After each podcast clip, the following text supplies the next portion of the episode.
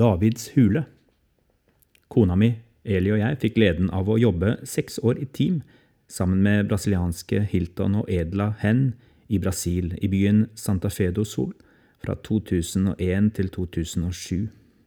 Eli og jeg var misjonærer utsendt fra Norge for NMS. Hilton og Edla var fra det sørlige Brasil, utsendt for den brasilianske organisasjonen Missão Zero til å være misjonærer lenger nord i sitt eget land. To nordmenn og to brasilianere, sendt for å plante ny menighet.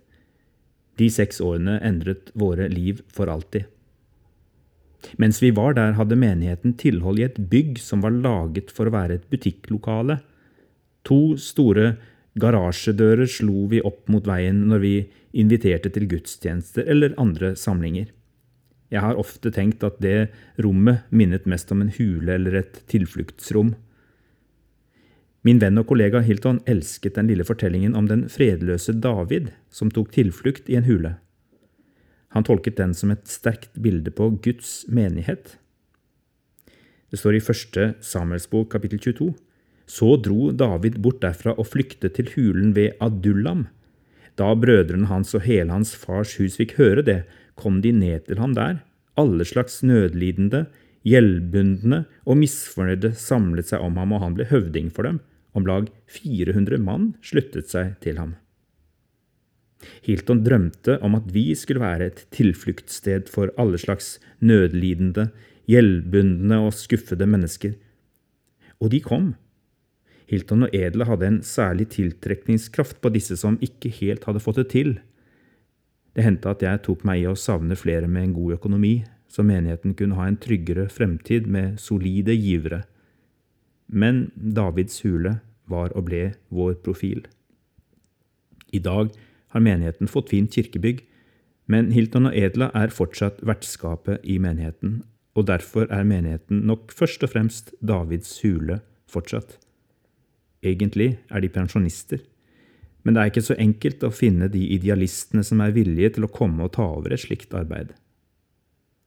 Mange er blitt forandret og gjenopprettet i den hulen, og mange av dem har reist videre da de begynte å forvente noe litt mer spenstig. Jeg klandrer dem egentlig ikke for det.